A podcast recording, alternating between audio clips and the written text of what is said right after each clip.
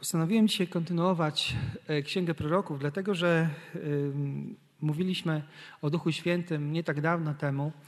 E, mieliśmy taki dosyć długie, długi cykl e, związany z Duchem Świętym. I doszedłem do wniosku, że mimo tego, że dzisiaj jest święto zesłania Ducha Świętego, to ja będę chciał kontynuować rozważanie w oparciu o Księgę Ozeasza. E, skończyliśmy tydzień temu e, na drugim rozdziale, na, na, na wersecie trzecim, taką obietnicą, którą Ozeasz zawarł, że, że Bóg odmieni tożsamość e, ludu swojego, tak jak odmieni imiona synów Ozeasza, syna Ozeasza i, i jego córki, z, z, które imiona brzmiały nie mój lud, zamieni na imię mój lud, a y, z imię córki nieumiłowana zamieni na umiłowana. I tutaj dalej w, ten, w tym drugim rozdziale jest taki, y, taki też poruszający zapis tego, co, y, jak wygląda relacja pomiędzy, pomiędzy narodem izraelskim i Bogiem, który, który jest tutaj w, tej, w tym jakby tym obrazie Y, rodziny Ozeasza, właśnie ilustrowany jako właśnie ktoś, kogo ten naród opuścił, jako ktoś, kogo ten naród y, zdradził. Ozeasz, o tym mówiliśmy wcześniej, miał mm, za zadanie, które Bóg mu polecił, żeby ożenić się z kobietą, która się okazała kobietą, która go zdradziła i miała z, tego, z tej zdrady, z tego nierządu dwójkę dzieci. I teraz czwarty, e, czwarty werset brzmi tak: Oskarżajcie swoją matkę, oskarżajcie ją, bo nie jest już moją żoną, a ja nie jestem jej mężem. Niech usunie znaki nierządu ze swej twarzy, a z pomiędzy swoich piersi ozdoby cudzołożnicy. E, to jest.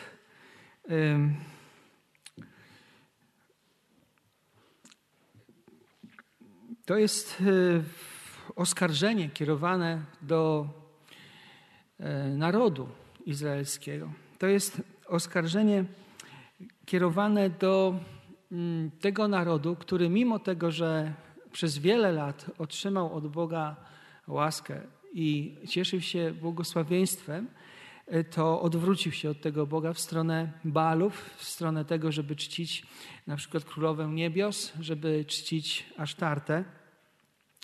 I właśnie ten czwarty werset, on tak y, pokazuje tę, e, tę relację pomiędzy Bogiem i Izraelitami y, w takim zestawieniu tego, jaka jest relacja pomiędzy Ozeaszem i jego żoną Gomer, która, która właśnie go zdradziła i urodziła te dzieci, które były dziećmi z nierządu. Okazuje się, że, że taki że taki układ w rodzinie to nie da się nazwać tego, że y, taka kobieta jest mężatką, a ten, y, czy żoną tego męża, którego zdradza. Tutaj, e, bo nie jest już moją żoną, a ja nie jestem jej mężem, to nie jest zapowiedź takiego oficjalnego rozwodu, takiego e, rozerwania takiego e, związku czy takiej relacji, tylko to jest taki obraz tego, że że z powodu postępku tej kobiety ona, ona się zachowała tak, jakby już jakby, jak nie jego żona, a on jest traktowany, jakby nie był mężem. I to jest, e, to jest e, efekt jej, e, jej działań. To jest efekt jej, jej cudzołóstwa. I te znaki nierządu, czy ozdoby cudzołożnicy, możemy tylko przypuszczać, że to jest, to jest coś, czym, yy, czym te kobiety, które yy, tak postępowały, yy, ozdabiały się. I to jest wezwanie do, do Gomer, czy wezwanie do narodu izraelskiego, żeby te ozdoby zdjęli. Taki Czyli jeżeli te ozdoby by zostały zdjęte, to wtedy taka osoba już niejako mm, konsekwentnie przestałaby, się, przestałaby w ten sposób postępować. Jest tutaj zapowiedź, jest tutaj zapowiedź sądu. W następnym wersecie, w piątym, czytamy: W przeciwnym razie rozbiorę ją do naga, postawię taką jak w dniu narodzenia, uczynię ją podobną do pustyni i sprawię, że będzie jak wyschnięta ziemia i umrze z pragnienia. Nie zmiłuję się nad jej synami, gdyż są synami nierządu. Ich matka przecież uprawiała nierząd, ich rodzicielka okryła się hańbą, bo mówiła: Pójdę za moimi kochankami, którzy dają mi chleb i wodę, wełnę i len, oliwę i napój. Czyli y, jeżeli te ozdoby nie zostaną zdjęte, które świadczą, ozdoby, które świadczą o tym, że zajmuje się nierządem, y, nastąpi sąd nad, nad narodem. Nastąpi sąd nad y, narodem, który, który okrył się hańbą, który okazał się niewierny. I ten sąd będzie też polegał na tym, że nie będzie zmiłowania. Nie będzie zmiłowania.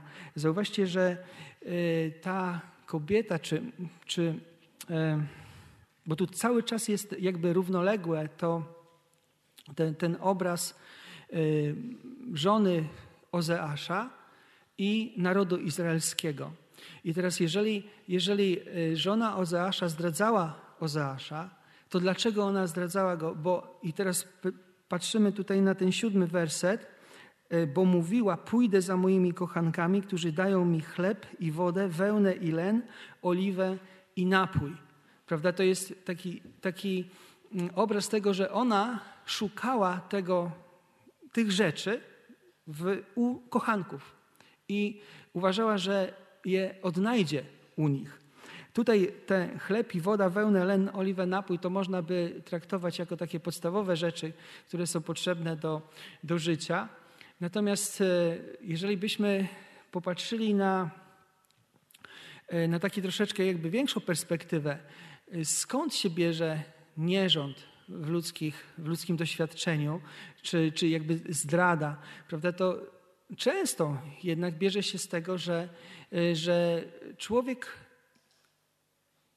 w jakiś sposób decyduje, że będzie szukał tej, mm, tej oliwy, chleba, wody, lnu, napoju gdzieś indziej. U tego wyimaginowanego kochanka i że on tam znajdzie te, to, czego nie może znaleźć u swojego małżonka. Że y, ten tak zwany romans to mu, to czy jej zapewni to, czego ona chce doświadczyć.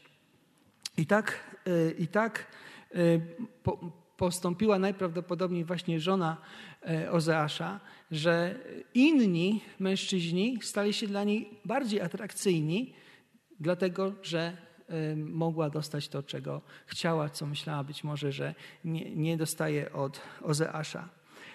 I tutaj Naród izraelski w ten sam właśnie sposób postąpił z Bogiem. Postąpił z, z tym Bogiem Jahwe, który, który y, wyprowadził ich kilka wieków wcześniej z, z Egiptu i który zawarł z nimi przymierze. Naród zamiast być mu wiernym, zamiast być mu posłusznym i wykonywać jego wolę, stał się narodem, który stwierdził, że, że chleb, woda, wełna i len nie pochodzą od Boga, że nie dostają tego od Boga, tylko dostają te rzeczy od Balów. Że to Bal, ten kananejski Bóg obfitości czy Bóg żyzności, który rządził deszczem, który rządził błyskawicami, jest tym, który sprawia, że, że e, deszcz pada, w związku z tym pola mogą rodzić czy zboże, czy, czy winogrona i tak dalej, że, że, że mogą się rodzić oliwki i, i z tych oliwek może być oliwa. Że to jest zasługa właśnie Bala. I w związku z tym Balowi trzeba oddać cześć, e, Balowi trzeba składać ofiary i Bala czcić bo On to daje. I teraz yy, yy, Bóg mówi że nie. I wzywa, wzywa ten naród do upamiętania się i zapewnia, że on te rzeczy, których ona chciała znaleźć, y, chciała dostać właśnie u tych balów, zostaną jej zabrane te rzeczy. Y, zobaczcie, tutaj następnie czytamy, dlatego zagrodzę jej drogę cierniem, odgrodzę ją murem i swoich ścieżek nie znajdzie. Gdy podąży za swoimi kochankami, nie dogoni ich, a gdy będzie ich szukać, nie znajdzie. Wtedy powie, wyruszę, by wrócić do mojego pierwszego męża, bo lepiej mi było wtedy niż teraz. I teraz dziesiąty werset, zauważcie. A nie wiedziała, że to ja dawałem jej zboże, moszcz i oliwę, pomnażałem jej srebro i złoto, które przeznaczyli dla Bala. Także w taki sposób postąpił ten naród i Ozeasz pokazuje tę niegodziwość, y, pokazuje to, w jaki sposób, e, w jaki sposób właśnie Izraelici w taki no, przewrotny, w taki, taki sposób, jaki postępuje człowiek zaślepiony, nierozumiejący tego, co się wokół niego dzieje, jak oni po, po, postąpili. Bo postąpili po prostu tak jak, tak, jak e, postępują po prostu poganie.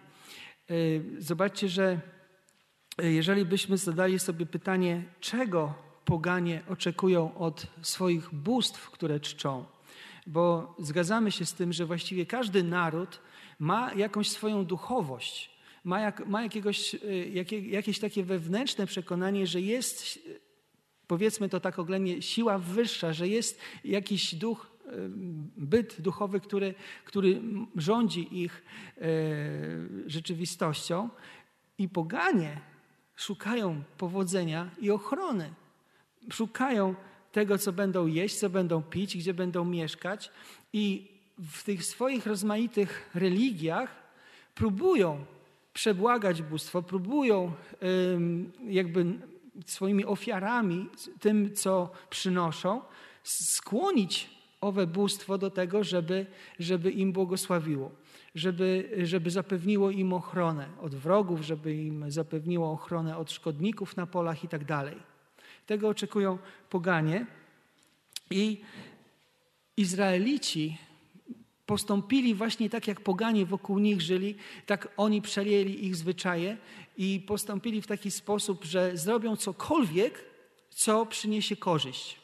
I jeżeli na przykład był pierwszy rok taki, że człowiek składał ofiary Baalowi i zdarzyło się, że pole mu obrodziło, że winnica mu obrodziła, że, że, że oliwki zebrał, to doszedł do wniosku, że e, składać ofiary balowi warto, bo jak składałem ofiary balowi, to mi pole obrodziło. I taki fałszywy wniosek doprowadza do, do odstępstwa, do bałwochwalstwa, ale działa, ale działa. I w, w rozumieniu takiego człowieka ten kult Bala po prostu działa. Nieważne jest słowo, nieważne jest prawo Mojżesza, nieważne jest to, co było przekazane od wieków znane. Ważne jest to, że to działa. Czyli zrobię wszystko, żeby działało. I to jest, e, to jest takie sprowadzenie bóstwa do takiej złotej rybki, która ma zapewniać rzeczy. Natomiast nie tak ma wyglądać, e, nie tak miał wyglądać e, kult Boga Jahwe, nie tak miała wyglądać relacja pomiędzy Bogiem Jahwe i, i Izraelitami. Oni mieli być Bogu wierni, oni mieli przestrzegać prawa, oni mieli zapisane w prawie bardzo wyraźnie to, co im było wolno, to, czego im było nie wolno. W dziesięciu przykazaniach, w tej skróconej formie, mieli napisane wprost, że nie będą oddawać czci, czci żadnym innym bóstwom. Natomiast tego nie zrobili i nieważne e, dla nich było to, co Bóg powiedział. W Nowym Testamencie z kolei bo patrząc na taką sytuację, jak oni byli wtedy, my jesteśmy troszeczkę w innej, ale e, po, możemy znaleźć się w podobnych sytuacjach, że dojdziemy do wniosku, że będziemy robić to, co działa, bez względu na to, czy to jest zgodne z Bożą wolą, czy wbrew Bożej woli. I stan stanąć się możemy takimi samymi bałwochwalcami. Oczywiście, mając przekonanie w swoim sercu, że bałwochwalcami nie jesteśmy. E, w Ewangelii Mateusza w szóstym rozdziale można przeczytać to, co Jezus mówi, właśnie w kontekście takiego troszczenia się o, o byt, troszczenia się o, o egzystencję na ziemi. Tutaj nie troszcie się więc, Jezus mówi, i nie mówcie, co będziemy jeść, albo co będziemy pić, albo czym się będziemy przyodziewać, bo tego wszystkiego poganie szukają. Albowiem Ojciec Wasz Niebieski wie, że tego wszystkiego potrzebujecie. I potem mówi, pamiętacie, szukajcie najpierw Królestwa Bożego i Jego sprawiedliwości, a wszystko inne będzie Wam dodane. To jest, to jest perspektywa na życie. Szukać Królestwa Bożego i Jego sprawiedliwości z taką ufnością, że Bóg, który jest w niebie, widzi i wie i zna to, jakie są moje potrzeby, jak, jakie, e, jakie mam troski. I Jezus o tym zapewnia swoich uczniów i razem z nimi zapewnia nas. I teraz, jeżeli czytamy teraz ten werset dziesiąty, kiedy, e, kiedy e, prorok, właściwie Bóg przez proroka mówi, a nie wiedziała, że to ja dawałem jej zboże, moszcz i oliwę, pomnażałem jej srebro i złoto, które przeznaczyli dla Bala. Tu w innym tłumaczeniu można, e, można mieć, z którego oni robili Bala. Czyli dostawali e, obfitość tego pola, zbierali obfite plony, nawet mogli tym handlować i zamieniać to na pieniądze, na złoto i srebro. I co w związku z tym robili? Robili figurki Bala. I oddawali Balowi cześć, żeby, żeby mu podziękować, tak? żeby, żeby wyrazić swoją, swoje oddanie. I teraz zobaczcie, jak to, jak to się e, łączy dzisiaj z nami, bo my również możemy w taki sposób postąpić w swoim myśleniu, nawet nie wiedząc o tym. Jeżeli Bóg nas zaopatruje, daje nam rzeczy, które nas cieszą, które, które są może spełnieniem naszych marzeń, to pytanie jest, co my z tymi rzeczami robimy? Czy one, jeżeli znajdą się w naszym życiu, nie stają się czymś, co blokują nam drogę do Boga, co, co, co, co, co, czymś, co sprawia, że nie mam czasu już dla Boga. Taki prosty przykład, powiedzmy, może nawet zbyt prosty. Jeżeli człowiek młody najczęściej marzy sobie o komputerze, tak? Dzisiaj no, większość młodych ludzi to, to, to ma komputer, mogą sobie marzyć o jakichś droższych komputerach albo droższych telefonach i dostaje ten telefon. Nie wiem, dostał pracę, zarobił, dostał, albo dostał, ma urodziny, rodzice kupili, dostał ten telefon, dostał ten komputer wymarzony. I co dziecko robi z tym komputerem wymarzonym, z tym darem, z tym, co dostał jako dar, żeby się cieszyć? No, ogląda filmy, y, gra w gry i jeżeli nie ma jakiegoś limitu, nie ma jakiegoś, jakiegoś ograniczenia w tym, to się okazuje, że przez to, że ogląda filmy, przez to, że, że, że gra w gry, no nie ma czasu żeby się modlić. Nie ma czasu, żeby, żeby czytać Pismo Święte. Nie ma czasu po prostu, no bo on ma komputer, ma swoje zajęcia związane z komputerem. I co się stało? No, to, co dostał jako dar, jest użyte jako bałwan, które, który oddziela go Boga. Jest taka możliwość, że to, co jest dobrego w naszym życiu, staje się dla nas przeszkodą do tego, żeby, żeby czcić Boga. I musimy być uważni, żeby nie pójść drogą taką, jaką poszli e, ludzie, którzy żyli za czasów Ozeasza. Że oni uważali, że to, co dostają, dostali od Bala, a nie od Boga. A my musimy, musimy tak myśleć i pamiętać o tym, że to wszystko, czym dysponujemy, dostaliśmy od Boga. To jest dar. Tak jak ojciec obdarowuje swoje dziecko, tak Bóg obdarowuje swój naród, tak Bóg obdarowuje tego, kto, kto w nim pokłada swoją nadzieję, ale nie po to, żeby ten dar stał się przyczyną tego, że człowiek od Boga odejdzie, że o nim zapomni, że nie będzie miał dla niego czasu. Gomer być może właśnie też myślała, że że to, co najlepsze, to dostała od swoich kochanków, nie od swojego męża. I naród izraelski też właśnie w taki, w taki zły sposób myślenia się e, udał. Natomiast Bóg zapowiada, że, że to wszystko y, ograniczy, że doprowadzi do tego, że nie będzie mogła się cieszyć tą oliwą, tym lnem, tym, tym złotem, srebrem czy napojem, że to zostanie jej odebrane. Y, tutaj jedenasty werset. Dlatego wrócę i zabiorę swoje zboże we właściwym czasie i moszcz w o odpowiedniej porze odbiorę moją wełnę i len, którymi okrywała swoją nagość. Teraz obnażę ją na oczach jej kochanków i nikt nie wyrwie jej z mojej ręki. Położę kres wszystkiemu, co sprawia jej radość świętom, dniom, nowią, szabatom, wszelkim uroczystościom, spustoszę jej winnice i sady figowe, o których mówiła, to jest zapłata, którą dali mi kochankowie, ja zaś zamienię je w leśną gęstwinę, będą tam żerowały dzikie zwierzęta.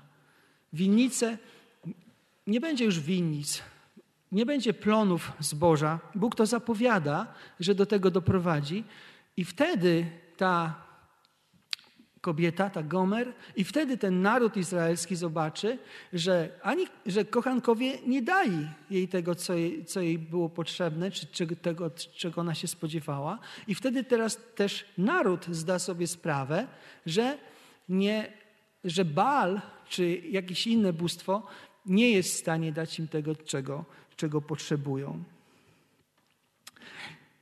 Y, jest nadzieja na powrót, jest nadzieja na, na odnowienie relacji, ale najpierw naród musi zrozumieć naturę swojego grzechu. Najpierw musi zrozumieć naturę swojego odstępstwa od Boga. A sposób, w jaki naród to zrozumie, jest taki, że straci. Zauważcie, jak to jest prawdziwe również w naszym doświadczeniu. Dopiero jesteśmy w stanie się często doświadczymy straty kiedy doświadczymy straty.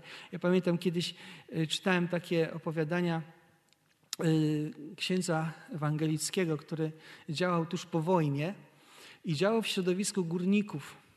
E, I to było takie środowisko, które bardzo dużo piło, kleli, no, żyli w sposób taki bardzo brutalny, radykalny. W każdym razie, kiedy on tam się pojawił, zwiastował Ewangelię o Jezusie. Jakoś to tak nie działało dobrze. Nie, nie przyjmowali poselstwa Ewangelii, ale w którymś momencie jeden górnik e, miał wypadek i stracił nogę. Stracił nogę. I ta strata, ta strata spowodowała, że on się zaczął zastanawiać nad, nad swoim życiem, nad, nad swoim losem, nad swoim ciągiem dalszym, po prostu sensem i tak dalej. I słysząc tego, tego kaznodzieję, po prostu się nawrócił. I w momencie, kiedy oni później rozmawiali, że mm, jak on patrzy na, na stratę nogi, on mówi, że to jest błogosławieństwo, które go spotkało, bo jeżeli by nie stracił tej nogi, to prawdopodobnie nigdy w życiu by się nie, nie upamiętał. I teraz, jeżeli, jeżeli patrzymy na to, w jaki sposób Bóg zechce przemówić do, do narodu izraelskiego za czasów Ozeasza, to właśnie zechce do nich przemówić przez to, że oni stracą to, co do tej pory mieli, stracą to i się przekonają, że pokładali swoją ufność w, w czymś nieprawdziwym, że pokładali swoją ufność w fałszu. Przez stratę dojdzie to do nich. To jest taki sam e, obraz. Zauważcie, jak, e, mm, jak e, w przypowieści o marnotrawnym synu. Tutaj y, czytamy w dziewiątym wersecie, wyruszę, by, wtedy powie, wyruszę, by wrócić do mojego pierwszego męża, bo lepiej mi było wtedy niż teraz. Kiedy ten tak zwany marnotrawny syn wrócił? Wtedy, kiedy jadł to, co świnie. Nawet nie jadł tego, bo nikt mu tego nie dawał, i stwierdził, że wielu najemników je dosyta u swojego ojca, że, że wróci i poprosi ojca, żeby był u niego najemnikiem. Dopiero jak stracił cały swój majątek, jak stracił wszystkie swoje pieniądze, dotarło do niego, co tak naprawdę zrobił. Dotarło do niego, gdzie tak naprawdę leży jego błogosławieństwo, gdzie jest mu lepiej. I ten naród tak samo musiał stracić, żeby dojść do pewnego rozeznania, żeby zrozumieć, co jest tak naprawdę warte, co ma, co, co ma sens i znaczenie. I zauważcie, że tutaj y, to, co Bóg zapowiada, zapowiada, że ustanie kult, religijne festiwale, religijne święta, comiesięczne, co tygodniowe, szabaty, coroczne jakieś wydarzenia. Oni prawdopodobnie y, wtedy y, nie tylko świętowali te święta, które były nakazane przez prawo Mojżesza, na przykład szabat czy, czy, czy te trzy święta coroczne, ale świętowali święta e, balom. takie święta, które były przewidziane w kalendarzu świąt na cześć Bala.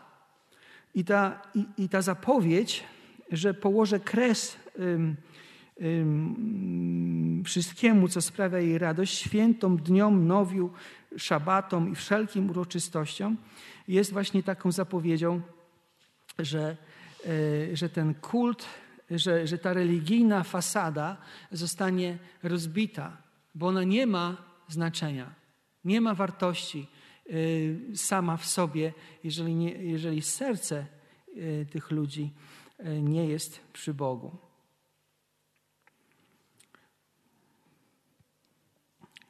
Także wrócić do Boga, łatwiej jest człowiekowi, który stracił.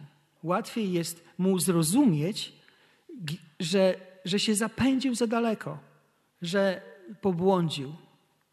I w ten sposób ta zapowiedź straty nie jest, nie jest y, ze strony Boga zemstą, z powodu e, niewierności Izraelita i nie jest, nie, jest, nie jest takim rodzajem odtrącenia tego niewiernego narodu, tylko jest narzędziem do tego, żeby ten naród odzyskać, żeby ten naród z powrotem y, y,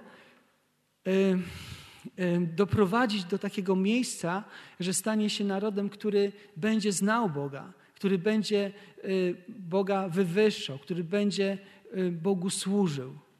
Zauważcie, że to, co Bóg zapowiada, że sprowadzi jako nieszczęście na naród, jest narzędziem nie jego zemsty, ale narzędziem w rękach po to, żeby, żeby ten naród odzyskać. Żeby odzyskać tę niewierną żonę, która e, odeszła i, i poszła za innymi kochankami.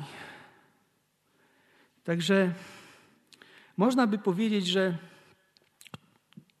tak jeszcze troszeczkę wracając, że dopóki się wiedzie, dopóki się wiedzie, dopóki jest len, dopóki jest oliwa, dopóki jest, jest to wszystko, to człowiekowi żyjącemu bez Boga jest dobrze.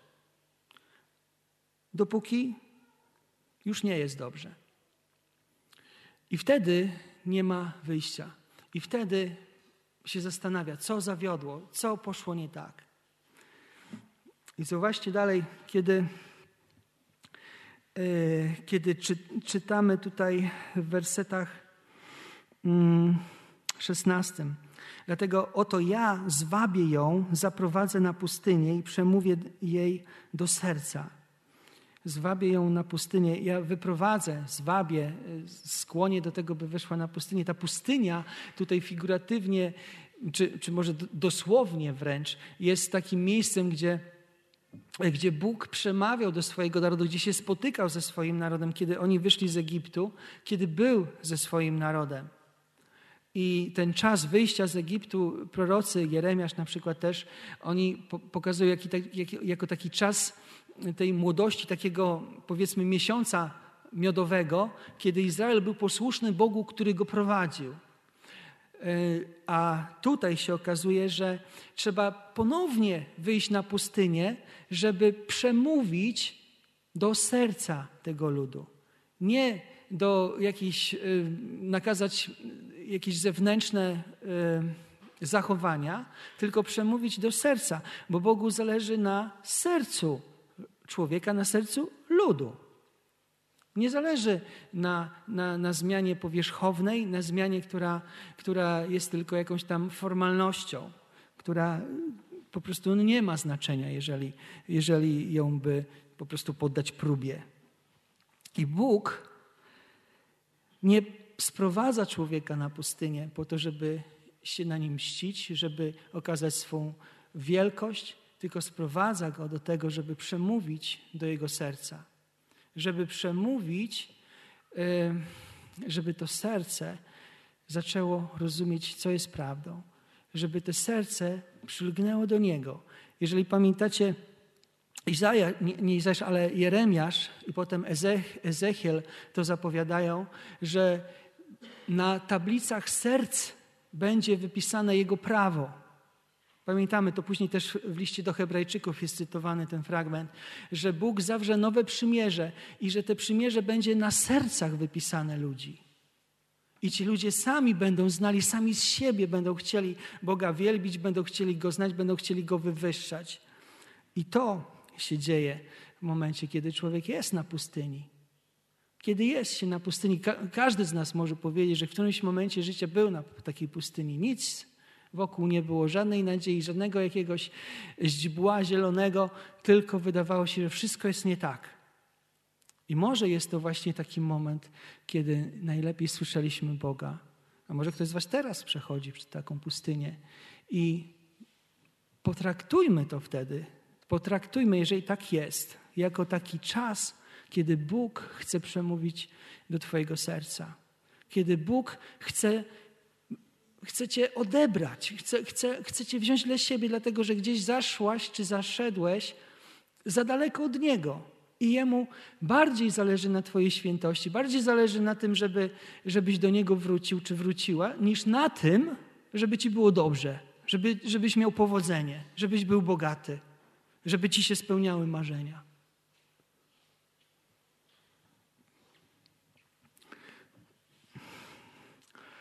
I dalej w tych wersetach, już przy końcu rozdziału, jest, jest zapowiedziane, że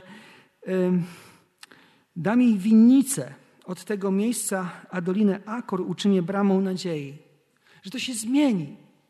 Że to, co było, że te nastawienie tego narodu ulegnie przemianie. Ten naród już nie będzie y, narodem odstępczym, tylko będzie narodem, który będzie przy Bogu. Nie wiem, czy, czy, nie wiem, czy oglądaliście dawno temu, w 1994 roku, był taki film, e, kiedy mężczyzna kocha kobietę. Bardzo, powiedzmy, wzruszający taki, taki film. Jeżeli ktoś z Was nie oglądał, to zachęcam do, do oglądnięcia. Tam jest taka piosenka, która chyba jest słynniejsza niż ten film, When a Man Loves a Woman. I, e, I tam jest opowieść o takim małżeństwie, najpierw takim powiedzmy idealnym, ale w którymś momencie kobieta e, zaczęła pić alkohol i się uzależniła. I potem robiła strasznie dużo, dużo głupich rzeczy, e, takich bolesnych rzeczy, dla, dla, z którymi musiał się zmierzyć jej mąż. I ten mąż tak kochał tę kobietę, że zrobił wszystko, co mógł tylko zrobić, żeby tę kobietę odzyskać, żeby ją na powrót do siebie sprowadzić i żeby ona była wolna od tego nałogu.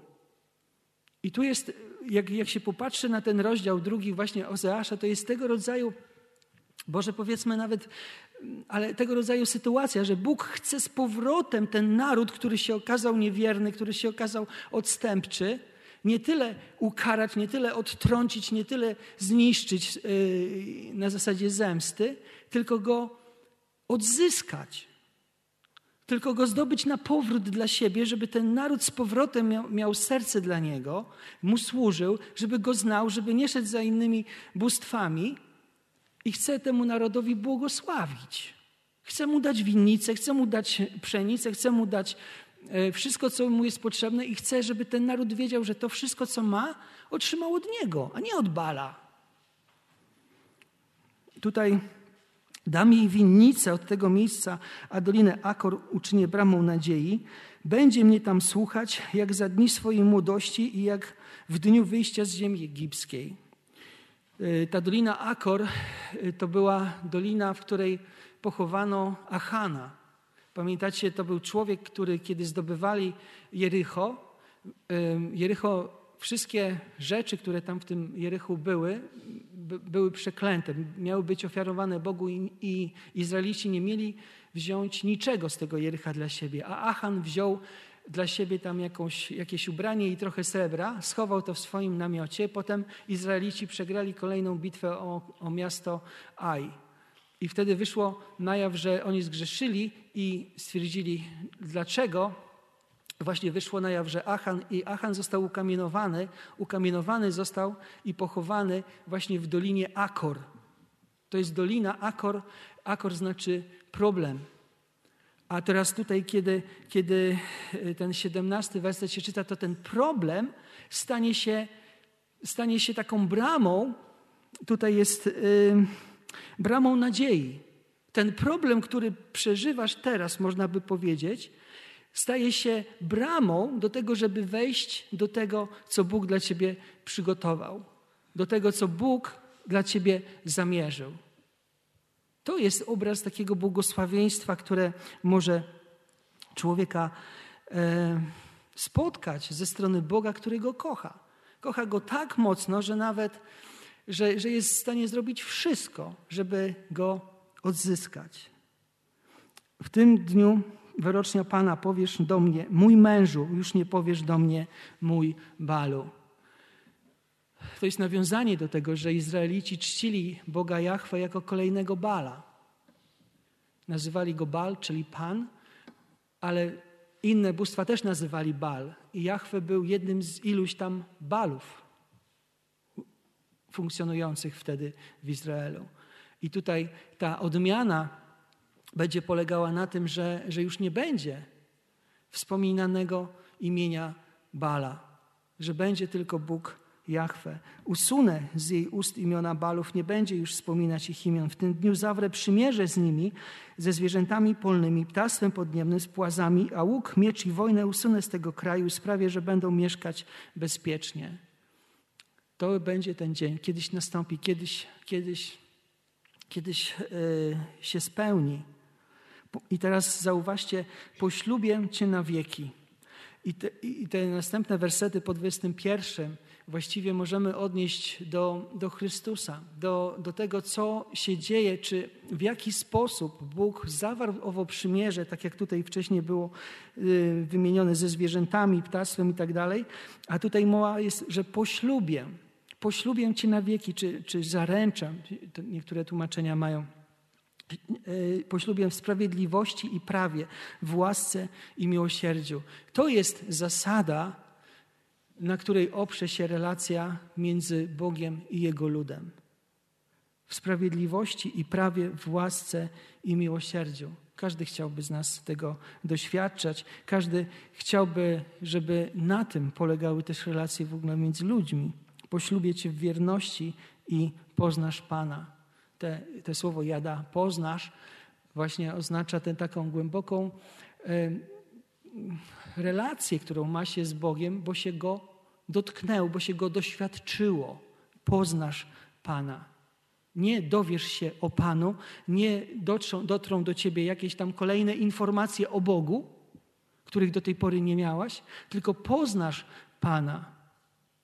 Poznasz Pana. W tym dniu odpowiem, wyrocznia Pana, odpowiem niebu i ono wysłucha ziemi. Ziemia odpowie zbożu, moszczowi, oliwie i one odpowiedzą Izraelowi. I teraz zauważcie, ten 25 werset jest, jest taką grą, grą na znaczeniu słów i na znaczeniu imion e, e, dzieci proroka Ozeasza. Bo tutaj jest zasieje w kraju zboże. Te Izrael to jest Bóg zasiewa. Tak? I zasieje w kraju zboże i zmiłuje się nad niemiłowaną i do nie mojego ludu powiem, Ty jesteś moim ludem, on zaś odpowie, mój Bóg. I będzie taki, taki moment, że prawdopodobnie cały, że, że cały Izrael powie do Boga Jahwe, jesteś moim Bogiem. O tym, o tym czytamy w liście do Rzymian. Natomiast my dzisiaj patrzymy, że ci, którzy nie byli nie byli ludem Bożym, mogą mówić do Boga mój Boże. Ci, którzy pochodzą z pogan, ci, którzy pochodzą z innych narodów, którzy wcześniej nie doznali miłosierdzia, teraz są tymi, którzy doznają miłosierdzia. Także takie tutaj w tym drugim rozdziale możemy wyczytać rzeczy o tym, jak, jak wygląda relacja Boga do człowieka, jak wygląda ten układ pomiędzy Bogiem i człowiekiem. I zauważcie, że Bóg nie chce nigdy człowieka zniszczyć. Bóg chce go sprowadzić do siebie.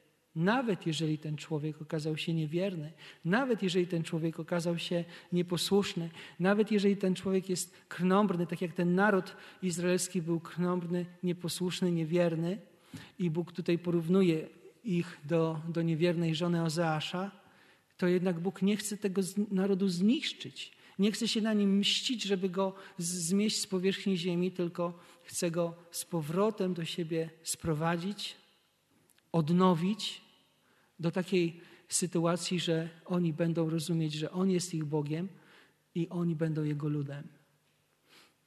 Także jest tutaj dużo nadziei, dużo, dużo takiej ufności. No i jest, jest takie wezwanie do tego, żebyśmy, słuchajcie, nie polegali na niczym innym, tylko na Bogu. Wiedząc, rozumiejąc, że cokolwiek mamy do dyspozycji, mamy do dyspozycji dlatego, że Bóg nam to dał.